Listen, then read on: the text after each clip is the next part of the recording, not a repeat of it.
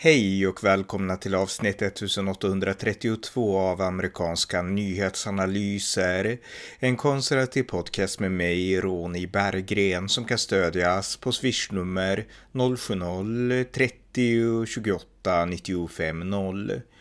Donald Trump håller på att göra comeback på riktigt. Här förklarar jag varför svensk media måste uppgradera sig själva och inte vara lika bedrövliga som det har varit under tidigare Trump-år. Varmt välkomna!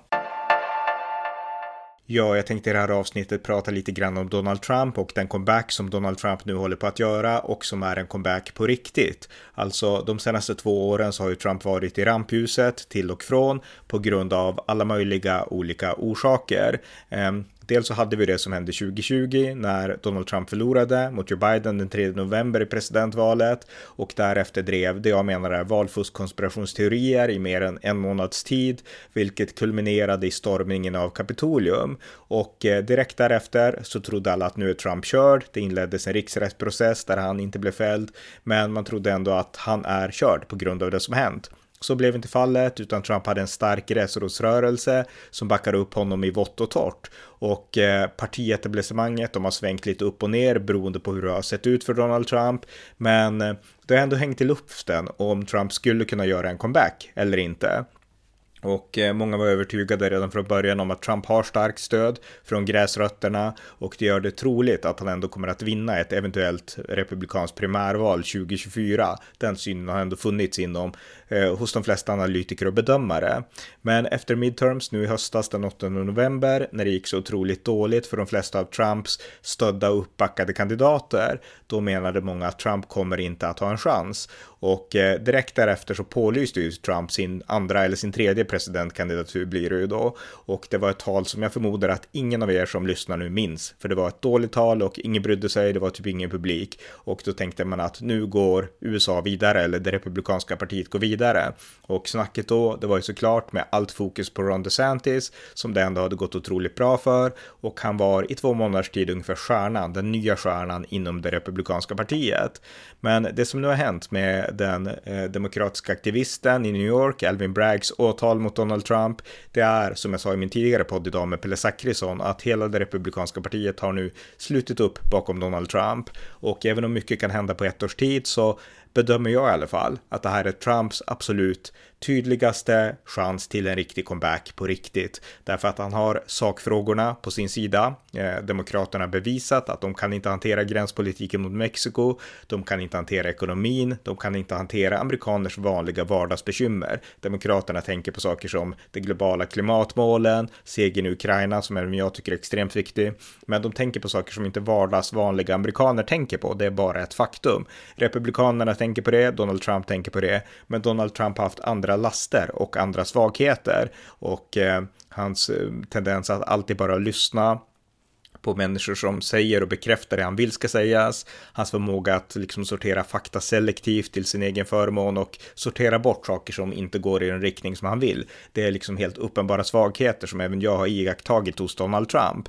Men inget av det spelar någon roll nu när det här åtalet, den här häxjakten från Elvin Bragg drivs mot Donald Trump, utan det här har spelat Trump, Donald Trump helt i händerna. Och det gör att den här situationen, mer än någon annan hittills bedömer jag, är vad som gör att Donald Trumps eh, möjligheter till en comeback på riktigt ter sig nu mycket troligt. Det ter sig just nu troligt att det är han som kommer att vinna det republikanska primärvalet och eh, eh vi får se om ens Ron DeSantis ger sig in nu när det ser ut som det, som det gör. Och eh, det är helt och hållet Demokraternas fel, alltså Elvin Braggs fel att, att, att, att det har blivit så här.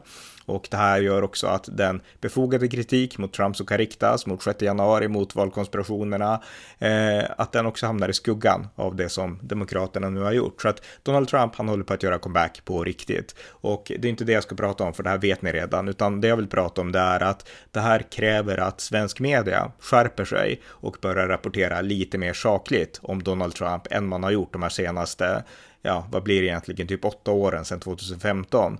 Och eh, Eh, det krävs därför att svensk media har varit så otroligt dåliga på att rapportera, rapportera sakligt om eh, Donald Trump.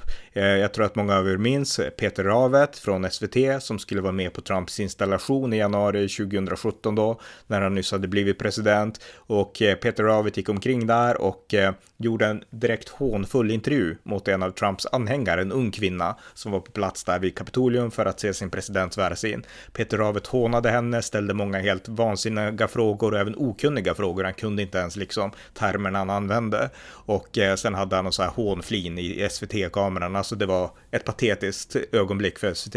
Och eh, jag tror han försvann från USA-rapporteringen därefter. Men sen fortsatte rapporteringen om Trump med Karina Bergfeldt som SVTs USA-korre. Hon var inte bra, utan hon gjorde också de här, alltså helt en insnöade, en enkelspåriga bilderna av Donald Trump. Och hon gjorde det i samma tradition som många andra har gjort. Jag menar, svensk media, public service inte minst, de har rapporterat negativt om republikanerna och positivt om demokraterna i årtionden. Alltså det började verkligen inte med Donald Trump.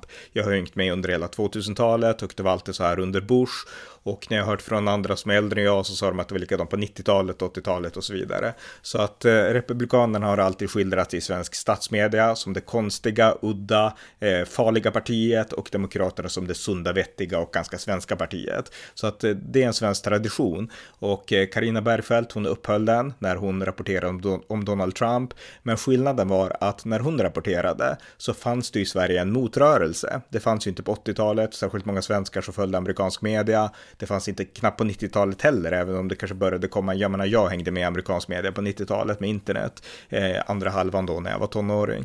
Men eh, nu för tiden så kan ju vilken svensk som helst följa amerikansk media lika nära som en vanlig amerikan kan göra, åtminstone när det kommer till den stora nationella politiken. Kanske inte lokalpolitik och lokala händelser, men när det gäller den nationella politiken så kan man följa den lika nära från Sverige som man kan från plats i USA. Och eh, eh det gör att nu kan vanliga svenskar ta till sig det republikanska perspektivet och inse att det här perspektivet är mer sansat och mer vettigt än det har framställts här i Sverige. Yeah. Och det skedde ju verkligen under Donald Trump. Jag menar, jag har stött Republikanerna sedan min tonårstid, sedan slutet av 90-talet och eh, George W. Bush var ju min favoritpresident. Men när jag stödde Bush, då var det inte särskilt många svenskar som ändå, även om internet fanns, som tog till sig liksom Bush-perspektivet, utan man lät sig fortfarande formas väldigt mycket av den svenska mediebilden av Bush. Det gäller även om man befann sig på högerkanten, högersidan i Sverige. Eh, det Donald Trump gjorde nytt, det var ju att han vann också en internationellt och inte minst svensk publik. Jag menar, jag har interagerat med många av er. Jag tror inte att Karina Bergfeldt och de här som rapporterade från USA eller även ens här i Sverige interagerade särskilt mycket med svenska Trump-anhängare. Jag vet det därför att de ringde mig ofta och jag fick ofta frågor om, ja, vet du några andra som stöder Trump? Det är så svårt att hitta dem ungefär, sa de. Så att, eh, och jag visste att de här finns överallt. Det var flera hundra av mig, eh, hundra av er som följde mig på Facebook och sådär på den tiden, för två år sedan, 2020. Och eh, så att jag vet att det finns många Trump-anhängare i Sverige.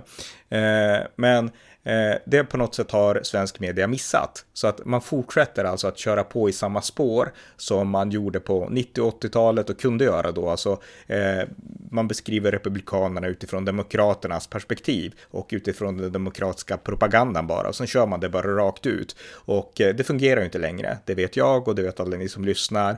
Och eh, public service tappar förtroende.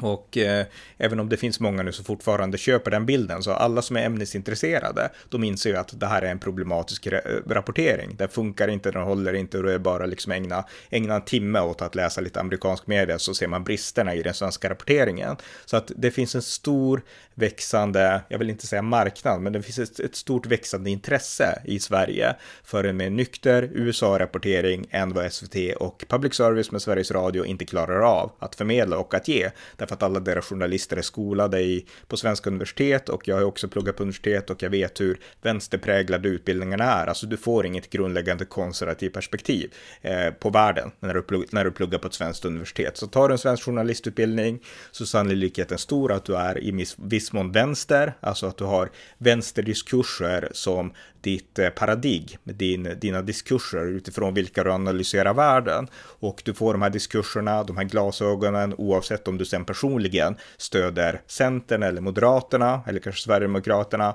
eller kanske inte dem, men, men liksom Moderaterna och Centern. Alltså, det är ingen skillnad på en som liksom är högerlutande i Sverige och en som är vänsterlutande i förhållande till det man får lära sig på universitetet. Så att eh, antiamerikanismen och liksom antipatin mot republikanerna, det kommer med modersmjölken i Sverige, oavsett om man är höger eller vänster. Och eh, eh, det innebär helt enkelt att journalisterna som rapporterar från USA, som kommenterar USA i Sverige, de har, har det här bara liksom instinktivt i sig. De för, förmår sig inte att förklara Eh, republikanerna utifrån republikanernas egna premisser och det är det som är själva grundproblematiken med svensk media. Och eh, det såg vi under Trump-åren. Det här blir långt, jag svävar ut lite grann, men jag tror att det blir en intressant poäng här. Det här såg vi under Trump-åren och eh, jag tycker att om Trump nu lyckas vinna, hans comeback är på riktigt nu, det är inget snack om den saken. Om han vinner den republikanska nomineringen och än mer om han blir president igen, en historisk händelse i så fall,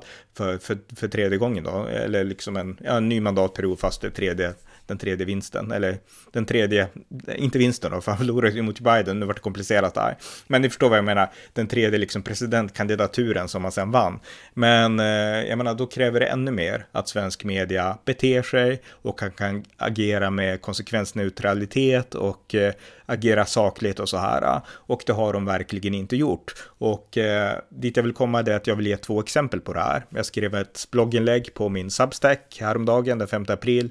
Pinsam svensk media måste uppgradera sig själva inför Trumps comeback. Och där så tog jag två exempel på hur otroligt bristande som eh, svenska, mm, liksom svensk rapportering om det som sker i USA och om Donald Trump verkligen har varit. Och eh, jag vill spela två klipp om det här. Det första från juni 2016. Då var det en svensk professor som heter Lars Densik som pratade på eh, Sveriges Radio P1 eh, på deras program OBS den 9 juni 2016. Och eh, han sa då så här, Lars Densik. I kölvattnet på det bryter upproret mot upplysningen igenom. Redan har det vunnit i Polen, i Ungern och i Danmark där Dansk Folkparti helt öppet har fört en ur deras synpunkt lyckad kulturkamp. Nu har Sverigedemokraternas Jimmy Åkesson också tagit till sig det begreppet i Sverige. Samma sak bryter idag igenom även utanför Europa, till exempel i Israel och gör sig gällande i USA där den ledande republikanske presidentkandidaten Donald Trump markerar avstånd till New York Values en omskrivning av samma typ som kommunister använde när de gjorde begreppet kosmopolit till en beskyllning som tjänade att beskriva och förfölja judar.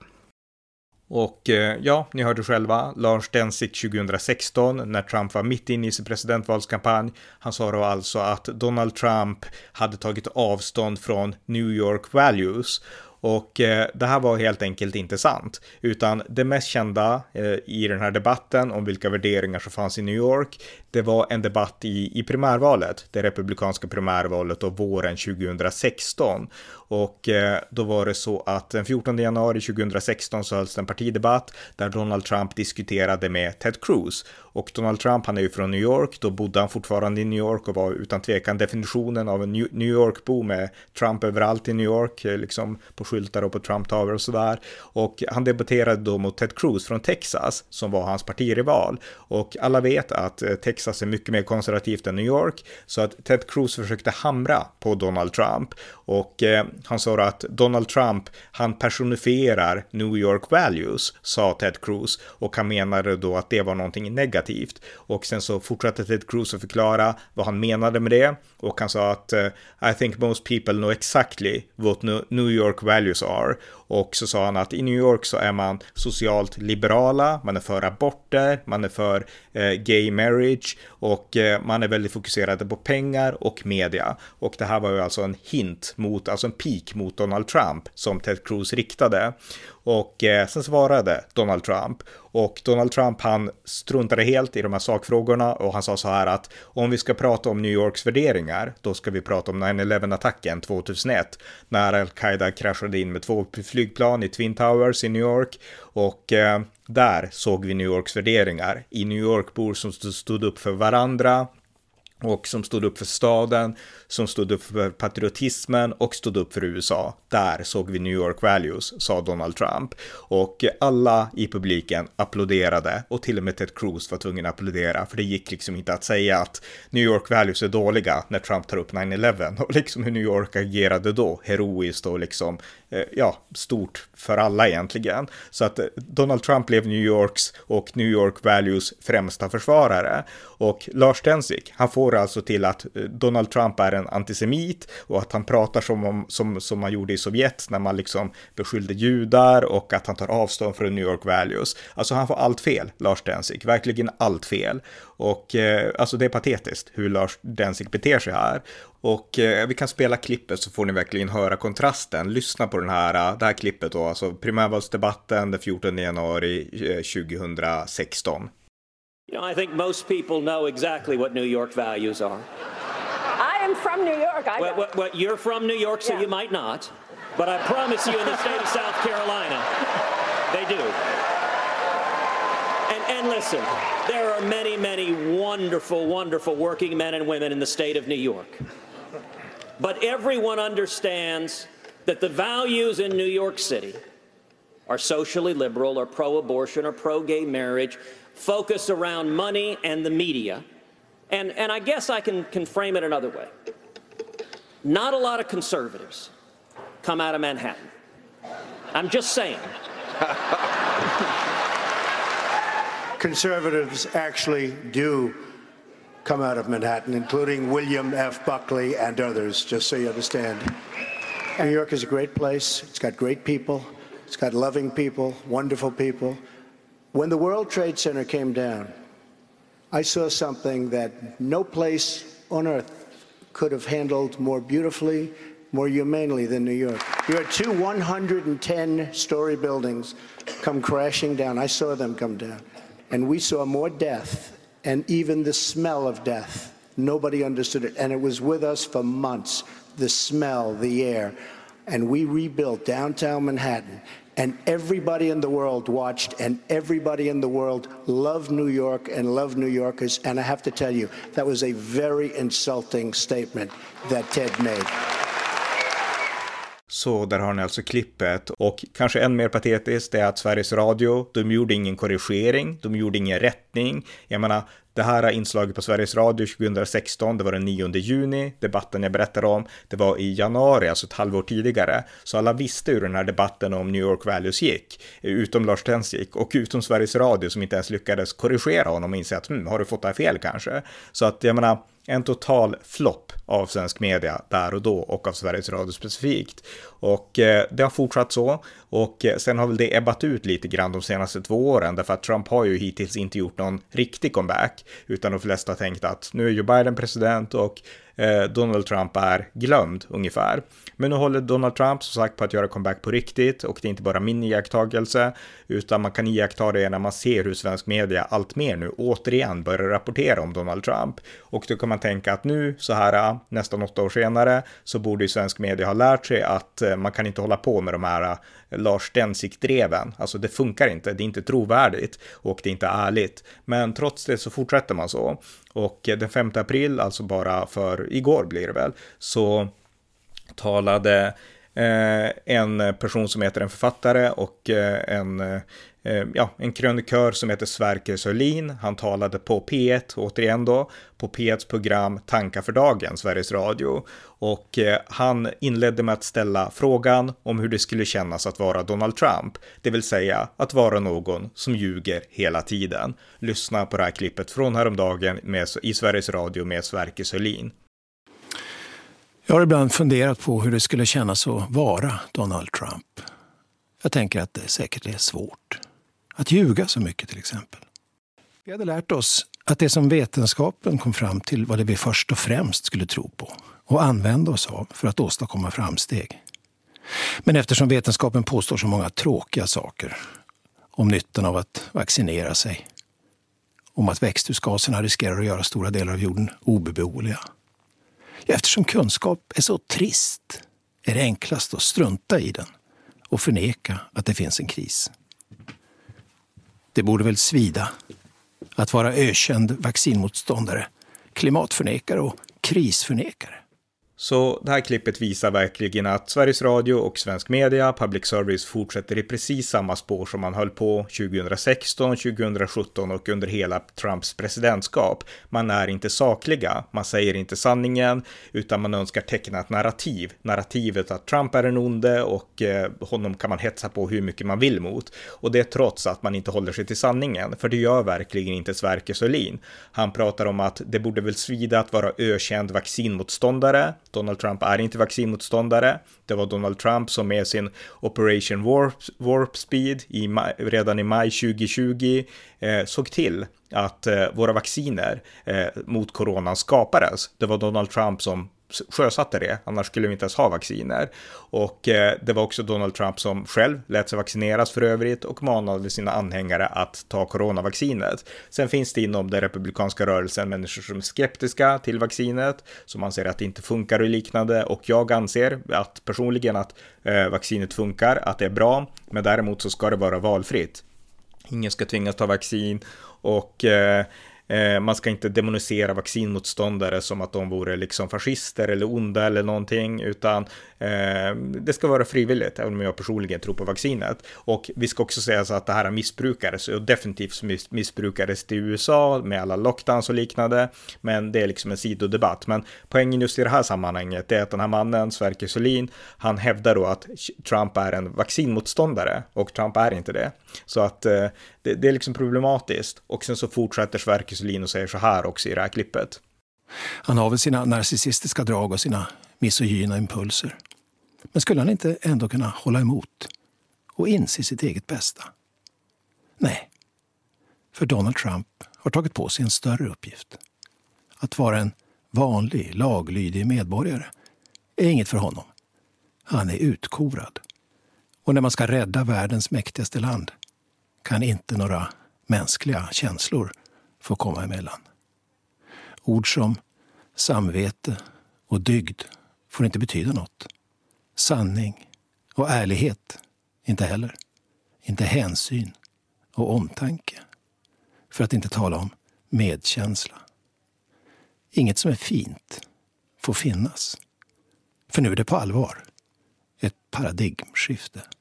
Jag menar, det här är en ganska elak eh, utmålning av en person, alltså av personen Donald Trump. Donald Trump är inte en person som eh, liksom eh, skyr samvete, dygd och heder, utan Donald Trump har ett stort hjärta. Vi har alla sett vad han gjorde med First Step Act, när han har gjort hur mycket som helst för att hjälpa fängelsekunder, inte minst svarta i USA, för att hjälpa missbrukare på ett sätt som Demokraterna bryr sig inte om dem, men Republikanerna gör det, och så även Donald Trump. Det är därför han har fått stöd av så många kristna som verkligen verkligen engagerar sig genuint för de svagaste. Jag undrar om Sverker Sörlin gör det, om han är engagerad i missionsarbete eller i liksom hjälp för svaga och utsatta på något sätt, eller om han liksom arbetar med narkomaner och liknande, eller med liksom fängelsereformer. Jag har svårt att tro att han gör det, utan han är förmodligen en typisk svensk, av den här klassen, en vänsterperson som tjänar pengar på ett ämbete och bara kan tycka saker utan att liksom ha något som helst skin in the game som det heter. Så att eh, Eh, det här är liksom,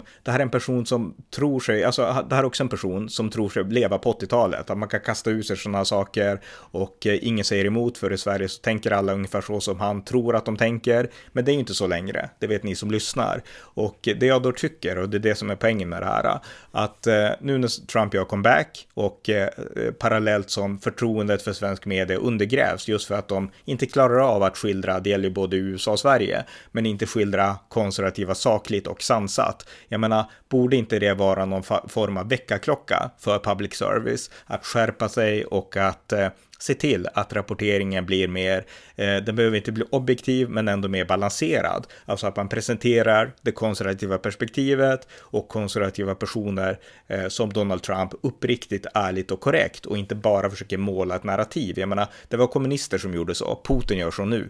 Allt som händer i världen, det målar han med ett narrativ. Om NATO gör en sak så betyder det inte det NATO själv menar att det betyder, utan det betyder i Putins värld, det är Putin liksom, den bild Putin vill måla upp. Eh, om NATO, om Finland ska gå med i NATO, då betyder det att eh, det, det beror på att NATO vill inringa Ryssland och det beror på att NATO hatar Ryssland som Finland går med i NATO. Det blir liksom Putins tilt på det hela. Han är inte intresserad av sanningen, utan han är bara intresserad av sitt narrativ och så var det i Sovjetunionen också. Så ska man dra Sovjetparalleller så är det ett sånt beteende, alltså där man sätter narrativ före sanningen. Och så borde inte public service agera.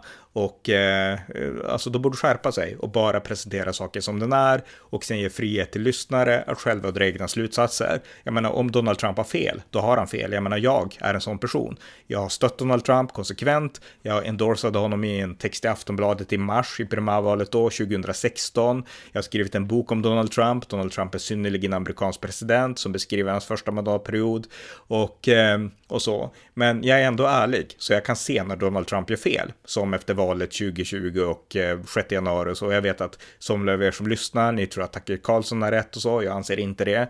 Eh, men eh, det är kanske också en annan, ett sidospår då. Men saken är att jag kan se Trump för vad han är. Kritiskt där det behöver vara kritiskt och positivt där man bör vara positiv. Och jag tycker att public service borde ha samma förmåga att kunna liksom bara visa saker sakligt, men de gör inte det, utan istället låter de människor som Lars Stensik och människor som eh, Sverker Sölin komma fram och eh, måla typ Sovjetnarrativ liksom om världen. Och eh, jag menar, det är inte, det, dels är det fel, därför att det inte är sanningsenligt, men dels är det ju också inte en fungerande metod längre. Alltså det går ju inte att göra så längre på grund av internet, på grund av er som lyssnar, på grund av sådana som mig och på grund av alla som egentligen på egen hand bara kan läsa eh, och själv skapa sin uppfattning om det som sker i USA utan, liksom, utan hjälp av de här eh, narrativen och utan hjälp av svensk public service. Så jag menar, det borde ju liksom gynna den egna saken att också bli lite mer ärlig och driva lite bättre USA-rapportering kan jag tycka. Så att eh, det är egentligen det som jag vill säga här. Eh, svensk media måste uppgradera sig själva inför Trumps comeback. Men gör de inte det så, ja, då kommer ju folk sådana som ni som lyssnar att söka sig till andra källor. Så att det är liksom, ingen kommer hålla sig mörker om svensk media och public service väljer att inte uppgradera sig själva. Men det skulle ändå gynna dem och det skulle även gynna oss som allmänhet om vi fick som ett svenskt folk en bättre svensk public service eh, i förhållande till många frågor, men just nu i förhållande till Donald Trump och den nu allt mer trovärdiga comebacken. Så att det var min rant här i, i det här avsnittet och eh, jag följde inget manus eller så, utan jag pratade bara spontant, men jag hoppas att ni har fått eh, ut något av det här, eh, av min rant här. Så att eh, vi hörs snart igen. Tack för att ni har lyssnat till amerikanska nyhetsanalyser. En konservativ podcast som kan stödjas på swishnummer 070-30 28 95 0 eller via hemsidan på Paypal, Patreon eller bankkonto. Skänk också gärna en gåva till valfri Ukraina-insamling. Vi hörs snart igen. Allt gott tills dess.